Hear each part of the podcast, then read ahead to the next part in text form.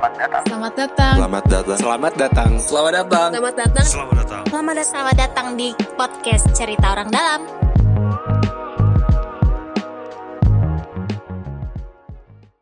belum record ya. Oke. Sudah? Sudah oke? Oke. Tiga, dua, satu. Halo, selamat pagi, siang, sore, malam. Selamat datang di podcast Cerita Orang Dalam. Nah, kalau sekarang sapaan ini benar-benar bisa berlaku kalau Mbak Desi sedang tidak ada di Indonesia. Mbak Desi di mana Mbak Desi? Saya sedang di Osnabrück di Jerman. Nah, Wow, jauh sekali. jauh sekali ya. Jam, jam berapa sekarang Ini Mbak udah Desi? di bukan orang dalam lagi dong ya, bukan orang dalam. luar. Tidak orang luar. Nah, Mas Dev nih di Jerman juga ya Mbak? Ah, iya, kan kami bareng. Iya. nyusul kemarin nyusul akhir September ke sini. Siap, oke. Nah, ini sudah ada dua pembicara yang sudah terdengar. Kalau teman-teman ikutin nih, ada eh, kita akan ngobrolin sesuatu yang lagi rame, tapi dari sisi yang lain. Kan lagi kalau lagi rame tuh yang apakah ada yang menjegal-jegal gitu? Apakah ini kita mau revisi atau tidak revisi? Tapi kita ngebahas dari sisi yang lain, yaitu terkait eh, pemerintahan daerah terkait kalau kita hubungkan dengan eh, undang-undang pemilu nih tahun 2016. Tuh. Nah, jadi kalau teman-teman mungkin banyak yang belum tahu, jadi eh, rencananya adalah tahun 2022 dan 2023 2023 ada 272 daerah yang akan digantikan oleh eh, apa namanya? Gak tahu nih, mungkin PLT. nanti bisa dijelasin lah PLT atau PJS atau PJ gitu. Nah, kita ngobrol sama dua perempuan hebat nih, Woi, yang nampaknya pengetahuannya akan jauh lebih tinggi dibanding saya, makanya saya ajak ngobrol gitu. Yang pertama ada Mbak Desi, ya ini kenalan saya dulu satu kantor. Halo Mbak Desi, Halo Nobi, kita reuniannya di online ya Nobi. iya ya. betul. Eh, dari eh, pengajar di VIA UI, sekarang lagi berkuliah di Jerman. Oke, lanjut lagi ada Mbak Ninis. Nah ini mantap nih, Direktur Perludem. Halo Mbak Ninis. Halo Mas Nobi, Mas Angga, Mbak Desi. Halo. Ada anak saya, sorry ya. Gak apa-apa, gak apa-apa. Gak apa-apa. Namanya dia dia Namanya bingung sama kayak nama temennya. Oh, memang Nobi begitu Nobi. apakah jangan-jangan saya anaknya? Oh. Oke, oke lanjut ya. Jadi em, tadi eh, sempat dibahas nih tadi terkait apa yang eh, kit- apa yang jadi rame sekarang gitu. Sebenarnya tadi mungkin awal ke Mbak Nenis dulu kali ya.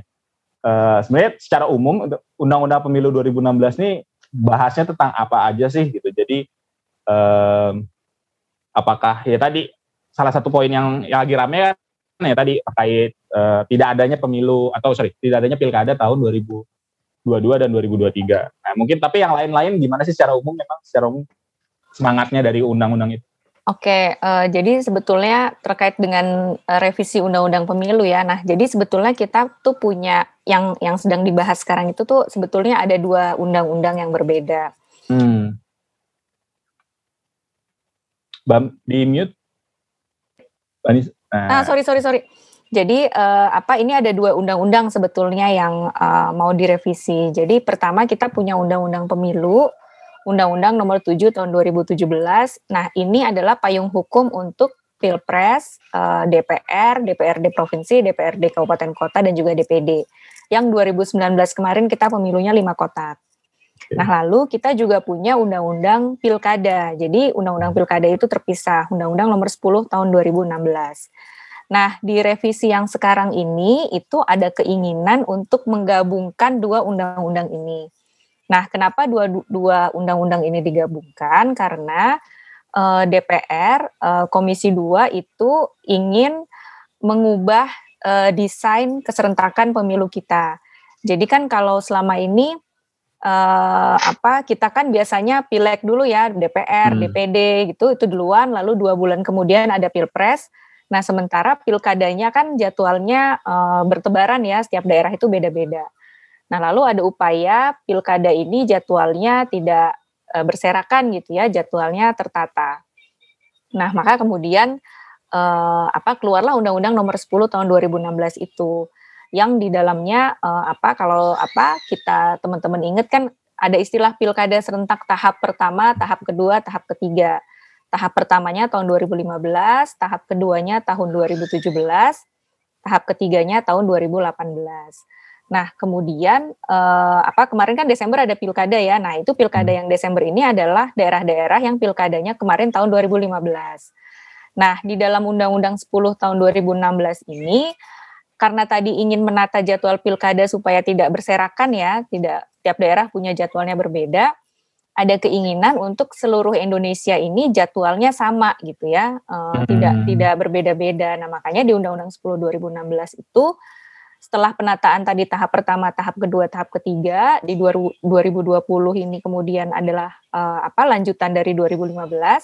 Nah kemudian ada keinginan seluruh daerah itu pilkadanya di tahun 2024. Oh, Oke. Okay. Nah di undang-undang ini disebutkan, nah makanya tadi nih salah satu implikasinya apa? penataan jadwal ini ya ada daerah-daerah yang tadi daerah daerah-daerah misalnya yang yang kemarin berpilkada di tahun 2017 kan masa jabatannya habis di 2022. 22. Terus yang apa daerah yang pilkada 2018 masa jabatannya habis di 2023. Nah, karena mau ditata akhirnya di 2022 dan 2023 nggak ada pilkada karena semuanya mau digeser ke 2024. Nah, terus balik lagi kenapa kemudian ini mau disatukan dengan undang-undang pemilu hmm. tadi ya, yang pilpres, uh, apa DPR dan sebagainya. Nah, itu karena ada putusan Mahkamah Konstitusi. Jadi uh, apa? Uh, eh, 2019 kemarin kan kita mengalami sama-sama ya kompleksitasnya yeah. luar biasa gitu ya. Banyak korban juga banyak ya. Banyak korban juga lebih dari 500 orang meninggal dunia gitu dan saya rasa setelah pemilu 2019 yang lalu banyak yang mengeluarkan statement, ini kita nggak bisa lagi nih pemilu lima kotak harus diubah bebannya terlalu besar.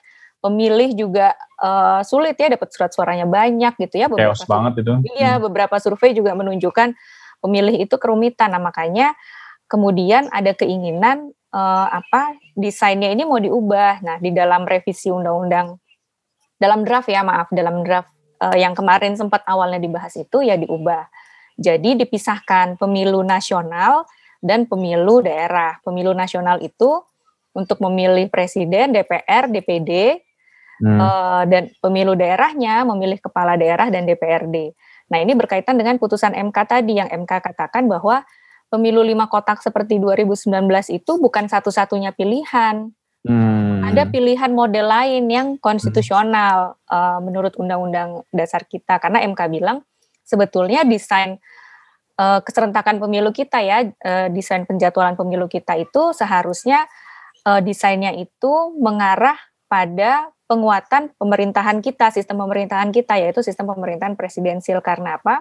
Ya sistem presidensil itu disepakati, yang kita sepakati bersama sistem presidensil. Hmm. Nah, MK bilang kalau mau memperkuat sistem presidensil, pemilihan presiden, DPR, DPD itu harus bareng.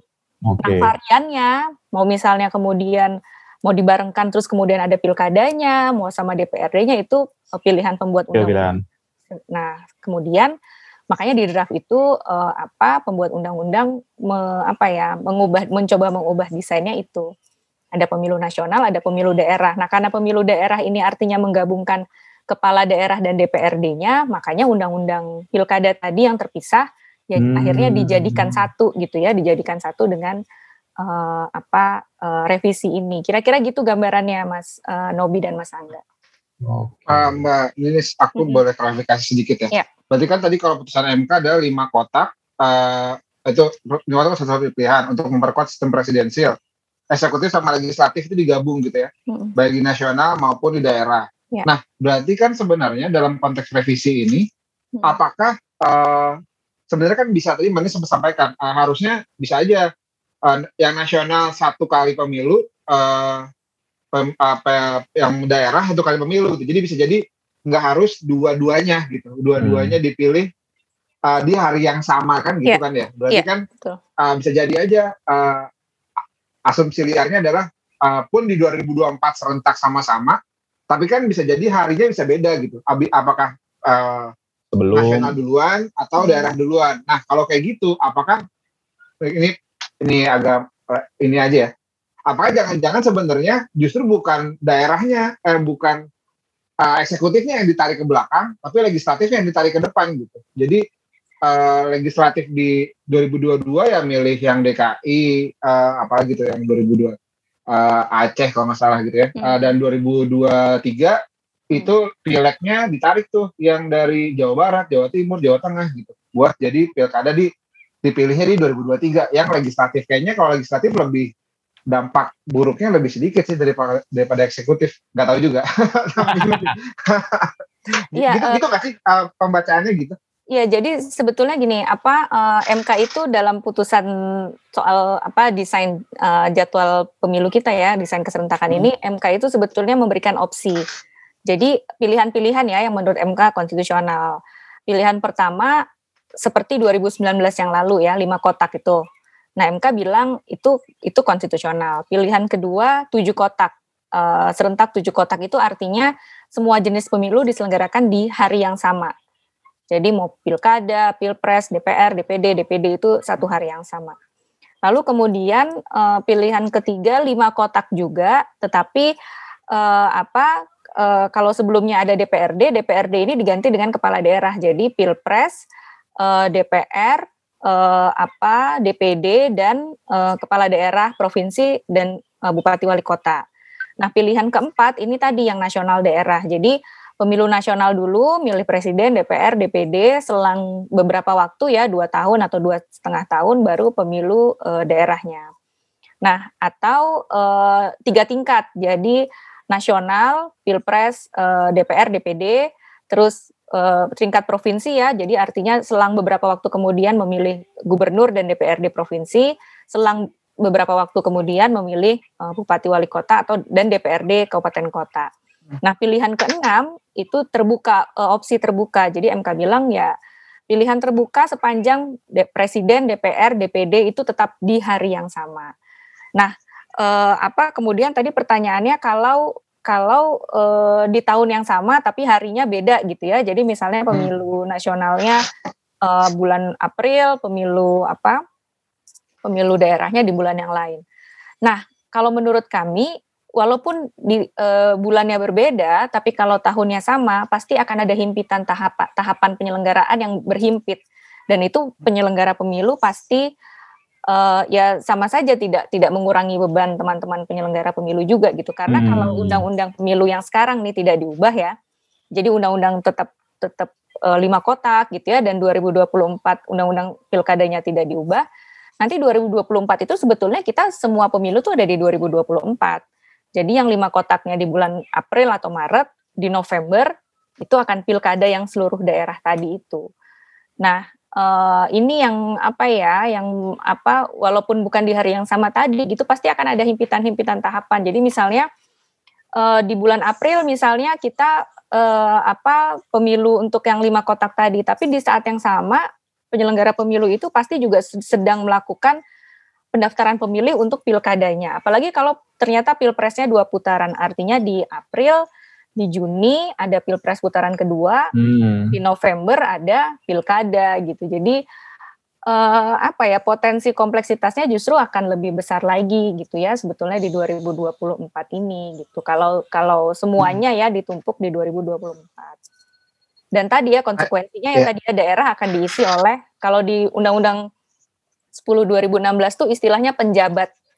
Jadi daerah daerah-daerah yang tidak pilkada yang masa uh, kepala daerah masa jabatannya habis di 2022 dan 2023 itu diisi penjabat uh, apa ya sampai pilkada 2024 gitu. Nah, ber, uh, kebetulan tadi bicara penjabat. Tadi uh, tadi yang menarik tadi sebelumnya uh, tadi saya menarik yang disampaikan bahwa hmm dalam bayangan teman-teman sekarang masyarakat gitu yang saya tahu ya di di, di Twitter, di Instagram, di mana-mana gitu ya. Itu bahwa dalam konteks tidak jadi direvisi itu pilkadanya jadi tujuh kotak gitu. Tapi sebenarnya ketika nggak ada revisi, pilkadanya tetap dua kali. Eh sorry, pemilunya tetap dua kali. Tadi ada yang nasional di April uh, dan ada kepala daerah di kalau nggak salah di November tadi ya. Iya, jadi betul. sebenarnya uh, nggak direvisi juga sebenarnya nggak serentak-serentak amat gitu pilkadanya. Hmm. Uh, jadi tetap terpisah. Tapi, tapi KPU-nya tetap stres. Iya, betul. Tetap terpisah. Satu di Juni, April, satu di November. Iya. Uh, KPPS-nya tetap pusing karena yeah. bisa jadi mereka lagi ada di gugatan, lagi di yeah, apa betul. namanya di MK belum selesai betul. dan lain-lain gitu ya. Uh, harus ngurus pilkada, persiapan pilkada harus ngurus ini ya. Memang jadi lebih rumit sih uh, prosesnya. Iya. Yeah, Itu yeah, kayaknya nggak nggak banyak banyak yang tahu tuh bahwa uh, ternyata tetap gak serentak kok, gitu. tetap terpisah juga gitu. Serentaknya yeah. di mana cuma sama tahunnya aja. Nah, um, ke Mbak De, Mbak uh, Desi gitu ya. Tadi kan Mbak ini sempat sampaikan penjabat gitu. Um, saya sih saya nggak bayangkan gitu ya. Uh, berarti kan kalau di Jakarta aja ada ada tiga akan ada dua tahun paling tidak itu yang dijabat penjabat gitu, uh, penjabat kepala daerah. Sebenarnya seberapa uh, apa kewenangan gitu dari penjabat ini dalam konteks pembangunan gitu. Apalagi kalau udah nyusun APBD kan sebenarnya kayaknya nggak hmm. punya kewenangannya seluas ada ada pejabat yang dipilih gitu ya. Ada ada PLT, Kalau, ada PLH. Nah itu mungkin awam juga nggak tahu tuh bedanya apa gitu. PJS, ya. P, PLT, PLH dari itu. Nah itu gimana? Mungkin nambahin. Mm -hmm. Oke, ya jadi kan memang eh, apa kalau kita lihat ya dari berbagai macam berita mau tadi ya dilihat dari sisi politik kan memang sangat dinamis sekali ya terkait dengan eh, posisi ini gitu. Nanti akan ada penjabat, PLT dan lain sebagainya gitu. Nah kalau kita eh, kembali lagi dulu ke aturannya, memang kan eh, berbeda-beda nih eh, Mas Nobi dan Mas Angga ya. Istilah-istilah itu tuh punya konsekuensi dan juga dasar hukum yang berbeda-beda. Jadi kalau kita uh, pakai istilahnya tadi uh, menyambung ke Mbak Ninis misalnya sudah habis masa jabatannya gitu ya. Kemudian uh, apa namanya menunggu pil, sampai menunggu pilkada berikutnya kan artinya sebenarnya kepala daerah ini kosong gitu ya dalam tanda kutip kosong sehingga harus ada yang mengisi. Nah, istilah yang mengisi inilah yang kemudian beda-beda uh, gitu. Itu sebenarnya PLT, PLH atau penjabat. Nah, kalau kita merujuk gitu ya ke peraturan, memang kan ada ya kalau kita misalnya uh, merujuk ke Permendagri nomor 1 tahun 2018, di situ memang disebutkan gitu, ada istilah kalau di Permendagri ini adalah penjabat sementara. Nah, tapi penjabat sementara ini merujuk kepada cuti yang dilakukan oleh kepala daerah karena mereka ikut kampanye karena ikut kampanye. Artinya kan ini juga sering ya dilakukan oleh incumbent. Jadi ketika incumbent ikut, ikut kampanye, itu mereka kan tidak boleh tuh melakukan e, mengambil keputusan macam-macam gitu apalagi menggunakan fasilitas gitu nah sehingga harus ada penjabat sementara jadi karena mereka cuti di luar tanggungan negara karena ikut kampanye nah sedangkan case-nya seperti menyambung diskusi yang tadi gitu kita kan pe, apa namanya kepala daerah itu tadi kosong bukan karena ikut kampanye ya. Ya bisa jadi mereka ikut kampanye tapi kan karena memang masa jabatannya sudah selesai kan di daerah masing-masing gitu sehingga kosong. Nah, itu memang ada uh, sekian banyak mekanisme yang Mas Nobi, Mas Angga juga bisa uh, lihat gitu ya pro kontranya. Tapi kalau kita rujuk sebenarnya mereka uh, punya kewenangan yang tidak berbeda dengan kepala daerah. Bahkan pemilihannya itu sudah diatur untuk uh, yang akan menjadi pelaksana tugas uh, gubernur ditunjuk oleh menteri.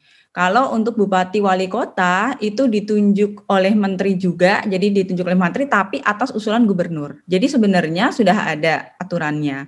Dan kalau kita uh, kembali lagi ke berbagai macam peraturan, mereka tuh sebenarnya juga punya kewenangan yang cukup luas, termasuk tadi yang dikhawatirkan oleh Mas Angga terkait dengan APBD, gitu ya. Nah, mereka itu juga punya uh, kewenangan untuk uh, menyusun APBD, mengusulkan APBD kepada DPRD. Nah, tetapi sekarang kita kembali lagi nih ke semangat otonomi daerah. Jadi kalau kita kembali lagi uh, apa yang dilakukan di Indonesia sejak tahun 99 sampai sekarang, sebenarnya kan semangat otonomi daerah itu masyarakat gitu ya punya keleluasaan, punya uh, kesempatan untuk memilih gitu kan ya, memilih hmm. kepala daerahnya sendiri. Sehingga kepala daerah dalam hal ini merepresentasikan seharusnya ini idealnya ya, merepresentasikan keinginan masyarakat. Mereka dipilih oleh masyarakat. Mereka ada di jabatannya karena proses politik Nah, ini sense inilah yang tidak ada di tadi PLT, PJ, PLH dan lain sebagainya. Nah, itu sebenarnya masalahnya di situ. Ketika uh, seorang kepala daerah naik itu dia sebenarnya punya dalam tanda kutip kan pasti janji ya kepada masyarakat, janji politik yang sebenarnya oh. kenapa sih program A, B, C ini yang berjalan, bukan program yang lain, karena itu yang dia janjikan ke masyarakatnya. Nah, kalau dalam hal inilah si uh, pejabat tadi yang tidak punya gitu. Tetapi kalau masalah hmm. kapasitas gitu ya, itu kita nggak bisa uh, bilang bahwa kalau misalnya dijabat oleh P, uh, PJ, PJS, PLT terus nggak akan bisa jalan, itu buat saya uh, cukup lemah reasoningnya. Alasannya lemah. Hmm. Kenapa? Karena uh, orang yang akan ditunjuk ini sudah diatur juga ASN yang tidak punya cacat secara hukum gitu ya, punya kemampuan yang memadai, yang bahkan bisa jadi dia lebih mumpuni dibanding kepala daerah, mohon maaf ya, secara kapasitas bisa jadi lebih mumpuni ya gitu kan dibandingkan kepala daerah gitulah. Ya kita juga tahu lah bagaimana uh, uh, big picture-nya di Indonesia itu seperti apa profil-profil kepala daerah, mereka bisa jadi lebih mumpuni.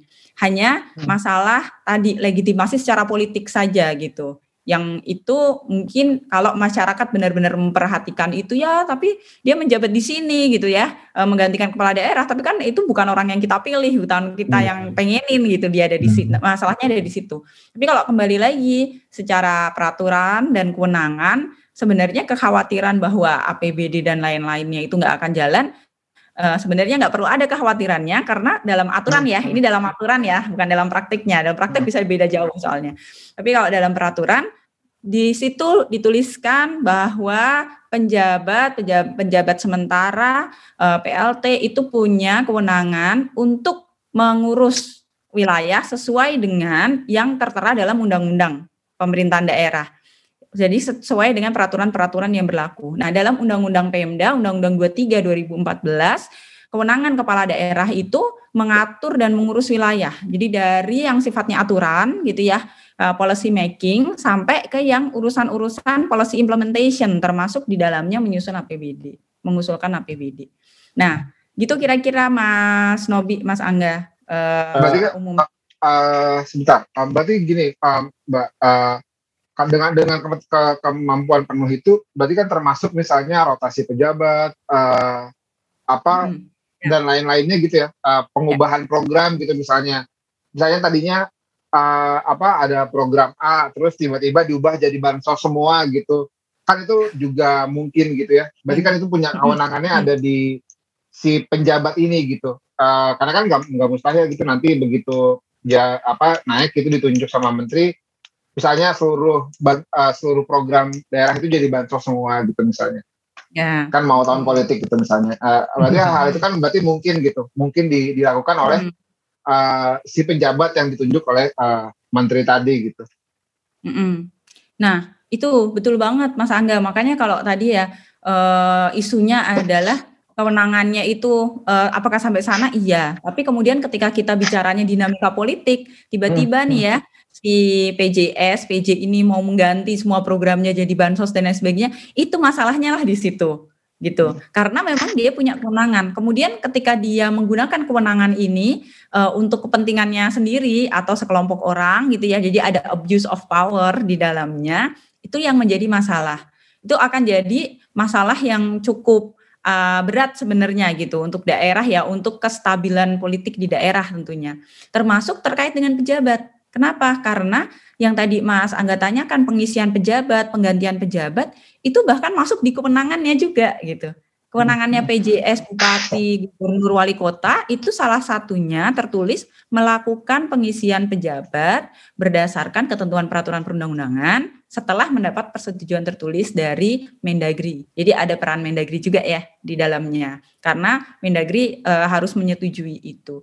Nah, masalahnya adalah dinamika politik kita di Indonesia yang memang sangat ya fluktuatif ya, sangat dinamis hmm. sehingga kemungkinan potensi-potensi tadi konflik terjadi itu juga cukup tinggi. Jika mereka kemudian membawa kepentingan pribadi atau sekelompok orang tertentu untuk kemudian mengubah-ubah nih oh tahun depan kita programnya bansos aja atau program-program ya pokoknya yang banyak lah ke masyarakat gitu.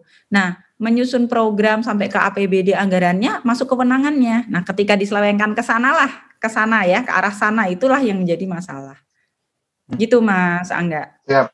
Monggo Mas Nabi. Ya. Tapi uh, kalau saya sedikit agak-agak agak nyeleneh ya, berarti bisa jadi Pemda autopilot gitu ya Mbak Des? Pemda autopilot. autopilot jadi uh, kalau ya autopilot yang penting jalan aja gitu ya. Jadi nggak tahu arahnya yeah. mana gitu kan segala macam. Hmm. Jadi ya udah jalan aja yang penting. Betul ya. Jadi autopilot dalam hal ini nih bisa tadi ya autopilotnya karena bisnis as usual. Jadi ya ah, udah ah, dia ya. pakai gitu ya yang sudah pernah ada sebelumnya atau autopilot dalam arti terlalu advance gitu ya autopilotnya sudah disetting semuanya sehingga uh, akan jalan sesuai dengan settingan orang yang akan dipilih nantinya gitu ya. Nah, yang menjadi uh, perlu kita perhatikan juga adalah peran nanti menteri di sini ya Mendagri berarti ya. Hmm, karena kan krusial banget ya. Ini di bawah Mendagri. Itu krusial banget, betul. Itu krusial banget. Karena semua ter termasuk nanti uh, penjabat uh, sementara yang ada di tingkat kabupaten kota gitu ya itu kan semua harus dapat persetujuan dari menteri. Meskipun dia diusulkan oleh gubernur gitu ya itu semua kan harus dapat persetujuan dari menteri gitu. Nah jadi krusial banget. Karena memang Kemendagri selama ini kan uh, wilayahnya kewenangannya kan memang uh, terkait dengan ini ya pemerintahan daerah ya salah satunya sehingga uh, ya tadi sih uh, apa siap-siap juga nih Mendagrinya gitu ya kalau akan ada ya. banyak gejolak-gejolak di daerah. Nah, nyambung. Itu. Tapi Mbak Desi tadi udah ngomong gejolak-gejolak. Mungkin saya nanya ke Mbak Mbak ini sih. Kondisinya kan eh, tadi uh, akhirnya pemerintahan daerah dipilih oh sorry, kepala daerahnya dipilih oleh Mendagri gitu dan mungkin daerah tuh warga-warganya tuh nggak merasa punya kepemilikan terhadap uh, kepala daerahnya. Nah itu mungkin dampak-dampak apa aja sih yang mungkin bisa terjadi uh, kepada daerah-daerah yang tadi dipimpin oleh uh, kepala daerah yang bukan pilihannya mereka gitu. Apa yang mungkin dampak yang terjadi di masyarakat? Iya, uh, apa? Ya pasti akan ada akan ada uh, apa ya pertanyaan mungkin ya dari publik karena sebetulnya apa sih urgensinya di tahun 2022 dan 2023 itu tidak ada pilkada gitu. Kita kan tidak ada apa ya situasi yang uh, force major ya sehingga dalam dua tahun ini tidak ada pilkada dan apa penjabatnya juga boleh dikatakan kan cukup lama ya setahun sampai uh, dua tahun ya. Jadi apa uh, dan bahkan mungkin sampai 2025 juga karena kan oh, yeah. pilkadanya kan akhir tahun ya di November 2024 dan kan tidak pasti tidak langsung dilantik ya mungkin dilantiknya baru di bulan Februari 2025-nya gitu. Jadi uh, ya tidak punya urgensi. Nah sebetulnya kekhawatirannya adalah kan kita ada daerah-daerah yang apa ya yang yang sensitif lah ya. Misalnya daerah-daerah seperti uh, Papua gitu ya misalnya atau misalnya Aceh gitu nah Aceh ini menarik mas uh, dan Mbak Desi karena kalau berdasarkan undang-undang pemerintahan Aceh disebutkan bahwa pilkada itu setiap lima tahun. Artinya mereka kan kemarin pilkada 2017. Nah lima tahunnya kan 2022. Nah tapi undang-undang pilkadanya hmm. uh, semuanya serentak di 2024 gitu. Nah jadi sekarang sedang terjadi diskusi ya kalau nggak mau dibilang perdebatan ya antara Aceh dan daerah dan apa ya dan pemerintah pusat ini mau gimana nih Aceh gitu.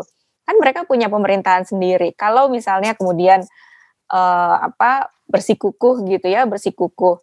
Pokoknya semua harus di 2024 ya apa ya Aceh kan punya sejarah ya, punya sejarah panjang lah ya. Itu akan seperti apa? Tentu ini harus jadi pertimbangan pertimbangan uh, apa pembuat kebijakan. Kalau misalnya dipersilahkan Aceh, oke okay, Aceh saja nih yang pilkada gitu ya di 2022 juga menjadi apa, uh, apa ya duluan gitu. Di satu sisi yang punya kewenangan untuk membuat uh, apa tahapan dan program jadwal pilkada itu KPU RI. KPU daerah tinggal menjalankannya. Nah, KPU RI kan ikut Undang-Undang 10 pasti gitu ya. Jadi uh, apa kalau di Aceh namanya KIP ya penyelenggara pemilunya itu Komite Independen Pemilihan uh, apa mereka tidak tidak ada aturan yang memberikan kewenangan mereka untuk bikin tahapan dan program sendiri gitu. Nah, jadi uh, ini menarik nih uh, apa kalau nanti misalnya jadi berbeda ya kita lihat Aceh akan seperti apa. Karena ya ada daerah-daerah yang sensitif tadi gitu ya kenapa? Karena kita tidak ada tidak ada urgensinya sementara di satu sisi kita punya kesempatan untuk menormalkan jadwal pilkada tadi gitu uh, apa ya apa 2022 tetap ada pilkada 2023 tetap ada pilkada gitu ya. Ya dinormalkan jadwalnya. Kita sebetulnya punya pilihan itu. Nah cuman ya tadi ini ya karena karena apa uh, pertimbangan-pertimbangannya pertimbangan politis tentu ya kenapa tidak tidak ada pilkada di 2002 dan 2023 yang kemudian akhirnya sebetulnya kalau ditanya apakah revisi undang-undang pemilu ini berhenti kalau jawaban saya belum gitu ya karena di sidang paripurna terakhir sebetulnya belum sampai pada ketok palu ini nggak jadi gitu karena undang-undang pemilu masih dalam masuk ke dalam uh, prolegnas tahun 2021 ini belum dikeluarkan gitu ya. Jadi uh, apa istilahnya mungkin dipending gitu ya. Cuman sampai kapan pendingnya yang ini yang belum tahu karena semakin mepet dibahasnya gitu ya, semakin mepet ke 2024 juga kan artinya teman-teman penyelenggara pemilu nggak punya cukup waktu untuk bisa menyelenggarakan pemilunya kalau undang-undangnya uh, disahkannya mepet ke hari hanya gitu. Hmm, Oke. Okay. Dari Mas Angga mungkin lanjut. Ya, uh, menarik banget sih sebenarnya. saya tuh tidak membayangkan sebenarnya uh, akan jadi serumit itu ya. Apalagi kalau tadi Mbak disampaikan, gitu. kalau misalnya Aceh kan dia punya undang-undang keistimewaan. Jakarta punya undang-undang keistimewaan juga yang mana kan di 2022 dia pilkada. Meskipun saya uh, saya saya tidak menemukan disebutkan bahwa pilkadanya lima tahun sekali, tapi paling tidak kan dia punya kekhususan sendiri. Papua punya punya kekhususan sendiri gitu. Ketika ada satu daerah yang dikasih ruang, daerah-daerah lain tuh akan minta dapat uh, minta dapat uh, ruang yang sama gitu, hak yang sama yang mana nanti akan jadi situasi politik yang enggak enggak apa namanya enggak berarti uh, yang rumit lah gitu. Nah, tapi tadi menarik uh, apa kaitannya dengan respons daerah gitu. Uh, saya sih saya nggak tahu ya pilkada 2000 pilkada di uh, serentak 2019 itu kekurangannya banyak sekali pilkada di 2020 tentunya juga banyak karena dia terselenggara di konteks pandemi gitu. Ada nggak sih yang ditemukan uh, sama teman-teman Perludem kaitannya dengan dua pilkada yang kemarin gitu, uh, yang yang uh, justru memperkuat kayaknya emang nggak harus pilkada nih di 2022 2022 gitu misalnya. Ada nggak Mbak Nenis? Nah terkait konteks apa di tengah situasi pandemi ya. Nah sebetulnya kemarin kan terkait pilkada uh, 2020 kemarin ya, pilkada Desember itu Nah, kalau menurut kami kemarin kan sebetulnya banyak masyarakat sipil yang minta nih pilkada ditunda dong lagi pandemi begini gitu ya, uh, angka pandeminya terus naik gitu ya. Uh, apa kita banyak yang minta ditunda. Uh, nah, sebetulnya ketika teman-teman masyarakat sipil meminta menunda pilkada bukan menunda sampai COVID-nya selesai. Karena kita memang nggak tahu COVID ini kapan selesainya gitu ya. Vaksin juga masih baru mulai dan sebagainya. Nah, tapi uh, apa teman-teman ini meminta dibuat regulasi sehingga uh, penyelenggaraan pilkada kita, penyelenggaraan pemilu kita ini adaptif dengan situasi pandemi gitu. Misalnya begini, uh, sekarang kan kita kalau memilih mau memberikan suara kita harus datang ke TPS. Sementara di TPS itu potensi orang ketemu banyak gitu ya. Uh, satu TPS 500, uh, terus belum lagi kalau tahapan yang lain kan tahapan pilkada kita nggak cuma di TPS, ada kampanye, pendaftaran, rapat-rapatnya partai gitu ya. Uh, nah itu kita buat mekanisme atau uh, alternatif-alternatif yang potensi-potensi orang berkerum, ber, uh, apa, berkumpul berkerumun itu bisa uh, bisa berkurang. Misalnya kalau dalam konteks TPS, ya mungkin bisa dikasih kesempatan untuk memilih lewat pos, pemilihan pendahuluan, hmm. TPS dibuka lebih panjang gitu ya. Nah ini yang yang kita nggak punya. Kita uh, undang-undang pilkada kita itu tahun 2016 uh, pandeminya 2020. Artinya kan undang-undang pilkada ini dibuat dalam situasi yang normal. Nah, sementara situasi pilkada kemarin situasi tidak normal gitu. Jadi uh, dan apa memang ada perpu ya, pemerintah mengeluarkan perpu. Tapi perpu ini kan hanya menggeser waktu saja. Tadinya mau pilkada September, digeser ke Desember. Aturan-aturan lainnya kita ya masih sama gitu ya. Makanya kemarin apa banyak yang protes kok ini banyak yang melanggar protokol kesehatan? Dibiarkan saja gitu ya. Nggak sanksinya biasa-biasa aja. Ya karena di undang-undangnya nggak ada sanksi bagi pelanggar protokol kesehatan. Tidak ada apa sanksi yang memberikan efek jerah pada pelanggar protokol kesehatan misalnya. Nah jadi sebetulnya kalau dalam konteks pandemi uh, apa kita tuh kemarin apa masyarakat sipil yang meminta menunda pilkada min, apa minta nih regulasi kita dibuat lebih adaptif dengan situasi ini nah argumentasi pemerintah kemudian salah satu argumentasi ya, salah satu argumentasi kenapa kemudian di 2022 dan 2023 uh, eh, belum uh, tidak mau ada pilkada. Argumentasinya justru ya masih COVID gitu, masih COVID terus kita nggak tahu COVID kapan selesai. Jadi kan publik bingung lah kemarin Desember kita ngapain gitu kan COVID juga. Nah justru di 2022 dan 2023 ini kalau kita siapkan regulasinya menjadi regulasi yang adaptif dengan situasi mungkin tidak pandemi ya, tidak khusus pandemi COVID, bencana non alam gitu ya. Situasi krisis seperti ini kan bisa kita antisipasi sejak sekarang kita banyak belajar dari negara lain, kita banyak belajar dalam setahun kita berpandemi ini gitu ya. Uh, apa uh, ya dalam situasi-situasi ini ada hal-hal yang bisa kita buat alternatif-alternatifnya gitu. Jadi uh, itu sebetulnya uh, apa ya kalau kalau ditanya alasan kenapa tidak harus kalau kalau misalnya alasannya tadi ya alasannya COVID gitu ya 2022 sama 2023 mungkin masih akan ada COVID ya kita buatlah aturan yang meminimalisir ya uh, apa potensi-potensi resikonya gitu. Kita masih punya cukup waktu kok uh, mengatur itu. Toh pilkadanya apa pilkadanya kan bukan bulan depan atau tiga bulan lagi, tapi masih di tahun depan. Nah kemudian yang juga menarik sebetulnya kalau dikaitkan dengan pilkada kemarin yang COVID gitu ya, salah satu argumentasi pemerintah kan kalau pilkada ditunda nanti daerah diisi oleh PJ gitu ya penjabat. Nah sebetulnya di 2022 dan 2023 kan tadi Mas Nobi dan Mas Angga sampaikan ya banyak juga daerah yang diisi PJ dan dalam jangka waktu yang lama gitu. Jadi uh, apa ya lucunya di situ ya mungkin ya kemarin nggak mau nunda pilkada alasannya oh nanti daerah, nanti daerah tuh diisi PJ gitu ya bahkan ada istilah uh, salah satu pejabat kementerian ya masa supir tembak atau supir cadangan yang nyetir gitu bukan supir beneran ya. Sementara nanti, nanti lebih banyak lagi. Iya, iya, lebih banyak lagi dan lebih lama lagi gitu jangka waktunya gitu. Nah, menarik. Um, berarti kan sebenarnya uh, ini ini yang ini yang yang yang nggak pernah yang nggak yang nggak muncul ke, perda, ke pembicaraan publik bahwa uh, revisi undang-undang pilkada itu bukan hanya tentang pilkada 2022 dan pilkada 2023 tapi tentang mekanisme modernisasi. Saya saya bicara modernisasi mekanisme pemilu di Indonesia gitu ya. Tadi bisa lewat pos pemilihan pendahuluan gitu. Yang mana kan itu cuma kita sering nonton di TV aja nih di negara-negara maju gitu. Di di Indonesia harusnya bisa uh, tapi kenapa nggak jadi itu jadi pilihan? Nah itu sih menarik bahwa perdebatan uh, revisi pilkada itu bukan hanya tentang uh, politiknya gitu yang heavy-nya kan terlalu politik gitu ya tapi juga ada tadi uh, adaptif terhadap pandemi yang kayaknya belum tentu akan selesai nih dalam 2-3 tahun ke depan modernisasi uh, pemilihan gitu meskipun nggak harus e-voting tapi misalnya ada ada mekanisme-mekanisme yang lain. Nah uh, kembali ke Mbak uh, Desi gitu kira-kira um, apa ya apa sih yang harus masyarakat persiapkan uh, pengetahuan yang harus masyarakat persiapkan gitu. Merespon kondisi yang akan uh, ada ke depan gitu. Uh, kalau ternyata ternyata nggak direvisi nih gitu kira-kira. Dan berarti kan sebenarnya gini, saya saya kalau boleh boleh ini, ada kontestan 2024, dia nggak kepilih di presiden kalah gitu.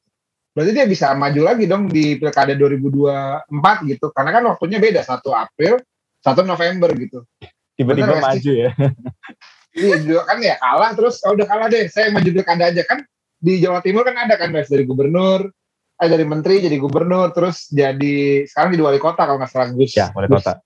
Gus, Gus Ipul gitu kan nggak nggak mm. ya turun nggak apa-apa lah Nop gitu tadinya jadi kandidat presiden turun jadi kandidat wali kota misalnya kan nggak apa-apa juga gitu bener gak sih kalau yeah. kayak gitu Iya iya iya iya. Ya ini menarik banget gitu. Tapi tadi gitu ya sama dengan yang tadi Mbak Ninis udah highlight gitu ya. Saya itu juga uh, sebenarnya gemes gitu ya dengan inkonsistensi, inkonsistensi uh, apa alasan pemerintah. Ya terutama dua hal terkait dengan COVID dan terkait dengan posisi pejabat-pejabat tadi ya, baik penjabat, PLT, PLH gitu. Nah, kalau kita uh, ikuti beberapa pemberitaan memang jadi kayak ini aja senjata makan tuan berbalik lagi. Dulu pemerintah kan bilangnya begini, nggak boleh gitu ya.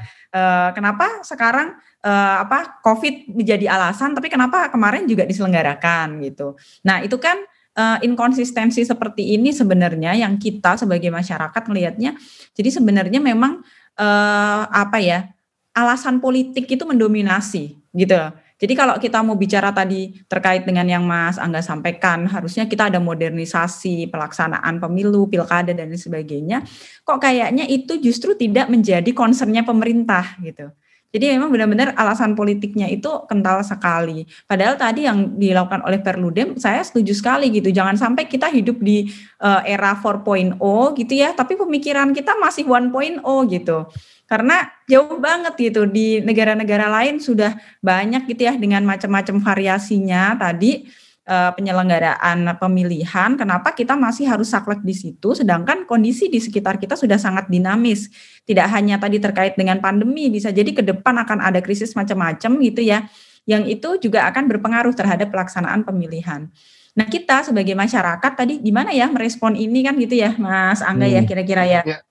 Nah memang salah satu PR terbesar kita sejak kita Uh, meskipun kita sebagai negara demokrasi gitu ya, salah satu Indonesia itu kan terkenal ya demokrasinya, meskipun belakangan ini banyak sekali ya kritik baik secara uh, praktikal maupun secara teoritikal, uh, Mas Mbak kan bisa juga baca ya istilah backsliding demokrasi di Indonesia gitu ya, karena Indonesia dianggap ya memang mundur demokrasinya, tetapi kalau di Asia Tenggara kita bisa dianggap ya yang masih lumayan bagus dibandingkan negara lain gitu ya posisi-posisi kemarin itu.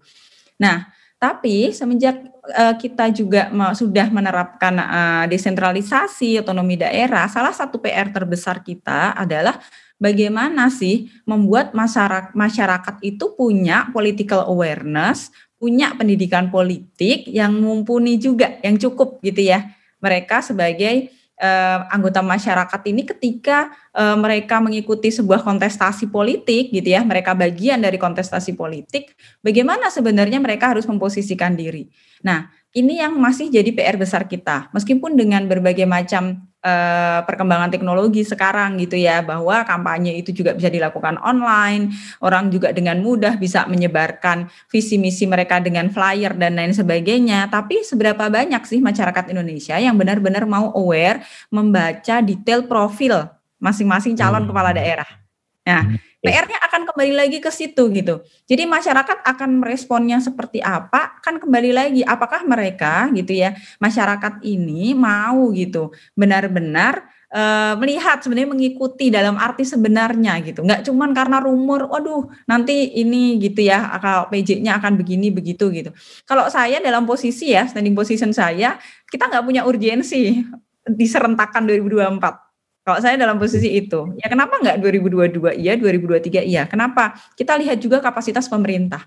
Sanggup enggak dalam satu tahun sekian ratus pemilihan gitu ya, itu dalam satu tahun yang sama meskipun tadi beda bulan, tapi di tahun yang sama, apakah kapasitas pemerintah punya kapasitas yang memadai untuk menyelenggarakan ini semua dengan baik? Orang cuma satu-satu aja gitu ya jumlahnya berapa kecurangan di mana-mana gitu kan ya. Banyak sekali kecurangan mengawal itu nggak mudah belum nanti akan ada uh, komplain dan lain sebagainya juga tidak bukan hal yang mudah gitu untuk diselesaikan. Sehingga kalau saya sih uh, kembali lagi ya tadi gitu uh, sama dengan posisinya Perludem ya. Kenapa ya diselenggarakan aja 2022 2023 tetapi dengan persiapan yang lebih matang dimulai dari sekarang gitu mengenai mekanisme dan desain pemilihannya akan seperti apa. Sehingga masyarakat juga sudah bersiap-siap dari sekarang gitu. Jadi ada waktu yang cukup juga ke masyarakat memberitahukan ke mereka kita punya loh mekanisme desain pemilihan yang baru sehingga masyarakat harus bagaimana bagaimana juga cukup waktu gitu untuk sosialisasi ke masyarakat. Gitu Mas Angga, Mas Nobi. Oh iya, satu lagi saya itu sebenarnya concern juga karena eh, background saya ilmu administrasi negara juga ya. Jadi eh, tadi ya kemudian menserentakkan harus semua bareng. Buat saya itu justru tidak sejalan dengan spirit desentralisasi. Enggak oh, sejalan oh, dengan spirit otonomi daerah itu sendiri ya. Kenapa? Ya beda-beda kan nggak ada masalah gitu. Justru pertanyaannya kenapa harus diserentakkan? Nah kalau saya gitu, mengapa harus serentak? Karena nggak ada benar-benar urgensi mengapa harus serentak. Itu uh, menurut saya jadi tadi gitu. Kalau kita kembali lagi kita baca lagi undang-undang dari yang pertama ya 2299, 32 2004, kemudian direvisi 23 2014, semangat desentralisasi otonomi daerahnya justru tidak tercermin gitu kalau kita memaksakan harus diserentakkan. Gitu ya, kira-kira ya pendapat saya. Sip, sip, sip.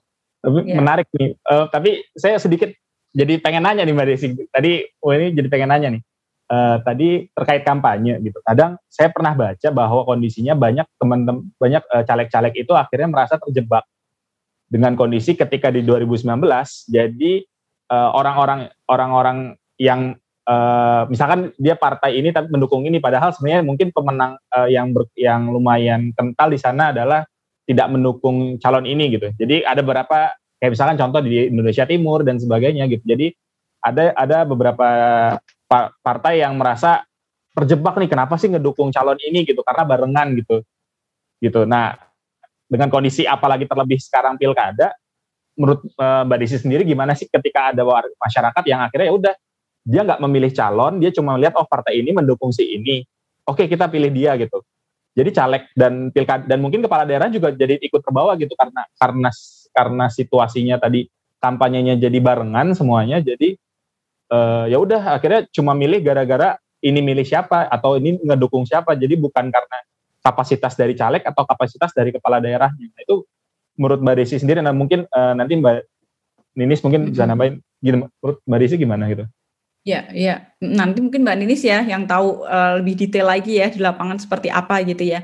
Tapi memang uh, proses politik ya di dalam ya. parpol dan antar parpol ini memang kan berpengaruh banget ya. Ketika si parpol A dan B berkoalisi, kemudian calonnya siapa. Nah, kemudian kemudian dari sisi masyarakat, oh uh, partainya kan dia simpatisan partai A gitu ya. Ternyata partai A memilih uh, apa kepala daerah B yang itu sebenarnya kap, secara kapasitas kita tahu nggak terlalu bagus gitu maksudnya ya Mas Nobi ya? hmm. ya itu ya kira-kira ya hmm. nah memang kita dari sisi masyarakat itu kita sudah rasakan mungkin dilemat, dilematis ini ya hal-hal yang dilematik ini sudah kita rasakan bahkan dari kemarin-kemarin gitu. Saya juga sendiri merasakan itu. Ketika kita sendiri nggak serak sebenarnya, tetapi kenapa partai yang menurut kita membawa ideologi cukup bagus gitu ya sejalan dengan kita ternyata mendukung yang lain. Apakah kemudian kita akan berposisi uh, yang penting calonnya atau partainya gitu kan ya ada di dua dua ini kan maksudnya dilematikannya kan ada di dua hal ini. Nah kalau saya itu uh, memang akan kembali lagi Mas Nobi, memang uh, pengetahuan kita akan profil calon itu sangat dibutuhkan. Nah bagaimana sebenarnya si calon ini meskipun dia didukung oleh partai yang mungkin gitu ya kita nggak begitu tahu gitu ya. Tapi apakah dia profil yang cukup kuat nanti akan mendominasi pengambilan kebijakan? Atau sebaliknya? Makanya kita juga sudah lihat fenomenanya bagaimana calon yang sepertinya profilnya nggak terlalu kuat tapi didukung oleh partai yang kuat sehingga ketika ternyata terpilih sebagai kepala daerah kebijakan-kebijakan yang diambil di daerah tersebut lebih banyak mencerminkan kepentingan parpol hmm. kepentingan partai politik yang mengusungnya. Nah, inilah memang dilematikanya gitu. Masalahnya kita sebagai masyarakat meskipun kita punya suara gitu ya. Nah, eh, tadi gitu, kembali lagi ke political educationnya masyarakat ini yang tidak semuanya memang sudah benar-benar aware untuk bisa me, apa ya me, membekali gitulah, membekali dirinya dengan berbagai macam informasi yang sebenarnya ada gitu di tersedia gitu ya di internet gitu kan sebenarnya ada banyak tetapi memang e, menghadapi situasi yang ini memang sangat sulit gitu. Ketika kita sebenarnya pengen nih calon yang ini tapi kok diusungnya sama partai ini gitu. Sedangkan partai yang bagus-bagus kok ngusungnya ah, iya. calon yang ini. Nah Suka memang itu dilematis banget sih Mas Nobi. Saya agak susah juga gitu akan menjawab yang apa yang B tadi gitu ya. Karena sangat bergantung sekali dengan dinamika di daerah dan bagaimana profil masing-masing calon. Apakah uh, mereka profil yang cukup kuat untuk kemudian memegang kendali pengambilan kebijakan di tingkat daerah. Tetapi uh, sudah pasti sekali dampaknya gitu ya di daerah ketika tadi dia disetir oleh sebagian parpol saja sehingga kebijakan-kebijakan daerah tidak mencerminkan uh, janji politik dan juga keinginan masyarakat itu sudah banyak sekali case-nya gitu. Itu ya kira-kira ya Nobi ya. Tapi mungkin Mbak Ninis punya uh, apa uh, bisa yang bisa di-share ke kita lebih detail mengenai kajian Perludem selama ini gitu Mbak Ninis mungkin juga bisa menambahkan silakan Mbak. Eh saya kok jadi gantiin posisi Angkat oh, moderator nih. La, la, udah latihan jadi host podcast. Oke, okay, okay, okay. uh, eh, apa uh, ya apa terkait sama tadi ya uh, apa uh, pencalonan ya pencalonan di ya di presiden ataupun di kepala daerah yang kita merasa kok mungkin kalau kita lihat dari sisi ini sebetulnya kok ideologinya berbeda mungkin ya yeah. dengan orangnya dengan partainya. Jadi memang ya desain desain apa ya dari sisi regulasinya uh, itu me, apa ya mendorong mau tidak mau dalam pencalonan baik pilpres ataupun pilkada mau nggak mau tuh harus ada koalisi karena kan syaratnya berat ya harus punya dukungan 20% kursi kalau presiden DPR dan 25% suara. Pemilu sebelumnya kalau di daerah sama 20% kursi DPRD atau atau 25% eh, suara uh, pada pemilu sebelumnya. Nah, jarang sekali ada satu partai yang bisa maju sendiri. Yang punya suara 20% itu jarang sekali. Bahkan PDIP sebagai pemenang pemilu nasional kemarin ya pemilu 2019 ya suaranya juga nggak sampai 20 persen. Masih sekitar 19 persen. Jadi kalau mau mengusung eksekutifnya ya mau nggak mau harus berkoalisi gitu ya. Apalagi yang partai-partai mungkin suaranya hanya lima persen gitu ya hanya empat persen ya dia nggak bisa maju sendiri. Mau tidak mau harus berkoalisi. Nah koalisi ini yang kemudian terbentuknya tidak karena programatik tidak berdasarkan ideologi. Kalau kita mau bilang ideologi gitu ya ya lebih karena uh, ya siapa dapat apa gitu ya. Kalau kami bergabung dengan koalisi ini kami dapat apa gitu ya. Berapa berapa banyak mungkin jatahnya yang bisa didapatkan dari koalisi ini gitu. Sehingga uh, apa itu yang terjadi gitu. Jadi mungkin kita nggak bahkan koalisi di pusat sama daerah kan berbeda ya. Jadi misalnya kita lihat loh di pusat ini harusnya oposisi iya. tapi di kepala daerah kok ada daerah-daerah yang calonnya cuma satu. Calon cuma satu calon tunggal kan artinya semua partai berkoalisi partai gitu. Padahal di pusat ini partai ini nih oposisi gitu misalnya, tapi di daerah bisa bisa bersama-sama gitu. Jadi ya itulah ya itulah politik mungkin ya. Jadi uh, ya kepentingan kan akhirnya gitu, kepentingan yang akhirnya lebih lebih mendominasi dari sisi dari sisi uh, pencalonan itu sehingga ya tadi publik yang mungkin uh, apa ya melihat lebih jauh merasa ya tadi harus memilih. Uh, saya sebetulnya kalau dari sisi apa, dari sisi pemikiran, uh, kesamaan uh, apa ideologi ya ke partai ini. Tapi kok partai ini mendukung yang orang yang berbeda gitu ya, yang tidak sesuai dengan uh, apa. Uh, uh, ya tadi ya ideologi partai itu ya ya, ya hmm. ya karena memang dari sisi desain desain uh, regulasinya ya meng, meng, mengharuskan dalam tanda petik ya harus ada koalisi ini jarang sekali yang bisa maju sendirian gitu. Kalau ya itu tadi makanya kami sendiri sebetulnya merekomendasikan ya nggak perlulah ada syarat harus 20% kursi hmm, atau 25% yeah. ini supaya ya setiap partai kan pasti punya kader ya. Uh, setiap partai pasti uh, apa me merekrut kadernya gitu ya melakukan kaderisasi ya supaya kan kadernya ini bisa dicalonkan sebagai pemimpin-pemimpin di daerah ataupun pemimpin-pemimpin negara gitu dengan adanya paksaan koalisi ini kemudian ya mereka mau nggak mau harus kalau apalagi kalau suaranya kecil ya porsi kuali, porsi persentasenya kecil ya mereka harus uh, mau mendukung kadernya orang lain gitu kadernya partai hmm. lain padahal mereka saya rasa mau mungkin belum mau dikatakan partai kita belum maksimal kaderisasi pasti kan sudah menyiapkan gitu jadi ya lebih baik di, dimudahkan saja supaya setiap partai ya bisa mengajukan dan masyarakat juga bisa punya alternatif kan kalau berkoalisi ini kan ya seperti dua kali pilpres kemarin calonnya itu lagi itu lagi. iya.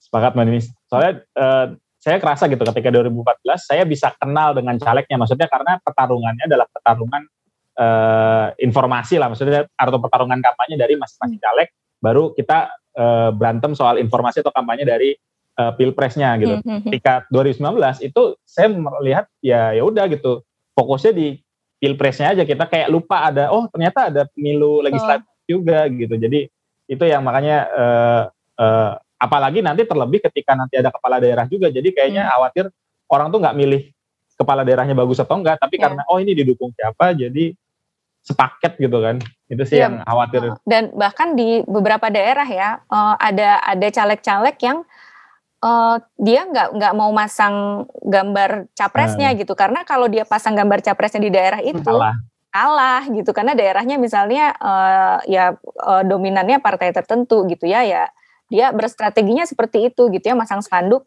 nggak pakai nggak pakai belakangnya ada tanda capresnya gitu. Jadi dia maju sendiri gitu. Dan memang fokusnya kemarin orang uh, apa pilpres itu menarik perhatian cukup besar gitu ya.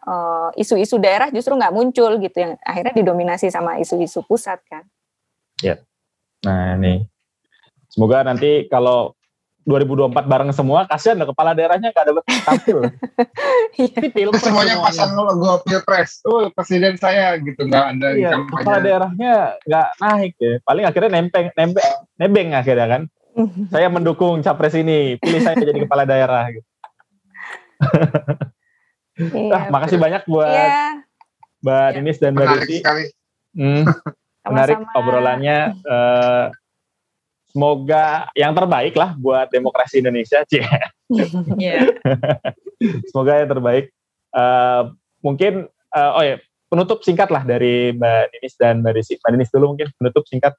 Ya, uh, ya apa ya, kita tuh sebetulnya berpemilu, berpilkada kan tidak sekedar mengganti presiden, mengganti kepala daerah, mengganti DPRD ya. Kita kita pasti pemilu ini punya tujuan yang lebih besar lagi gitu ya, menata pemerintahan yang lebih baik, partai kita jadi lebih demokratis gitu ya. Jadi bahkan kalau mau ditarik lebih jauh lagi ya pemerintahan yang terbentuk itu bisa membawa kesejahteraan buat masyarakat gitu. Jadi sebetulnya konteks kenapa kemudian uh, apa undang-undang pemilu kita ini apa ya diarahkannya ya ke tujuan besar tadi gitu ya sehingga tidak parsial tidak parsial kepentingan-kepentingan politik semata gitu ya kita ingin uh, apa ya uh, bagaimanapun juga dalam demokrasi kan perlu ada payung hukum yang yang menga yang mengarah ke tujuan tadi itu gitu. Jadi kenapa kemudian kami ya masih mendorong kenapa pentingnya revisi undang-undang ini ya tidak sekedar betul tidak sekedar 2022, tidak sekedar 2023, tidak sekedar 2024, kita punya tujuan yang lebih besar lagi. Itu paling dari saya. Berisi.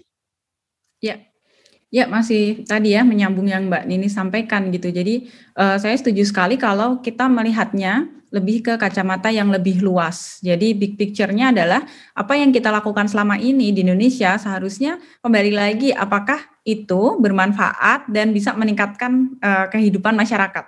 Jadi kualitas kehidupan masyarakat. Jadi harus dilihat tujuannya itu sebenarnya jangka panjang. Kenapa? Uh, perlu ada revisi undang-undang katakanlah. Mengapa sih kita menerapkan sistem yang berbeda yang dulunya sentralisasi menjadi desentralisasi? Sebenarnya tujuannya itu kalau kita lihat di semua undang-undang itu bagus sekali gitu ya. Sampai ke bagaimana uh, apa yang dilakukan oleh pemerintah itu bermanfaat dan bisa membawa kehidupan masyarakat yang lebih baik. Nah, jadi perlu dilihat ke sana lagi. Sehingga saya sebenarnya pengen banget gitu ya para politisi ini jangan selalu bergelut kepada hal-hal yang sifatnya politik saja mengenai kepentingannya saja gitu ya. Tetapi lihat lagi gitu. Karena kalau kita lihat secara umum berapa persen sih yang benar-benar melihat kesejahteraan masyarakat itu menjadi bagian dari tujuan dia berpolitik?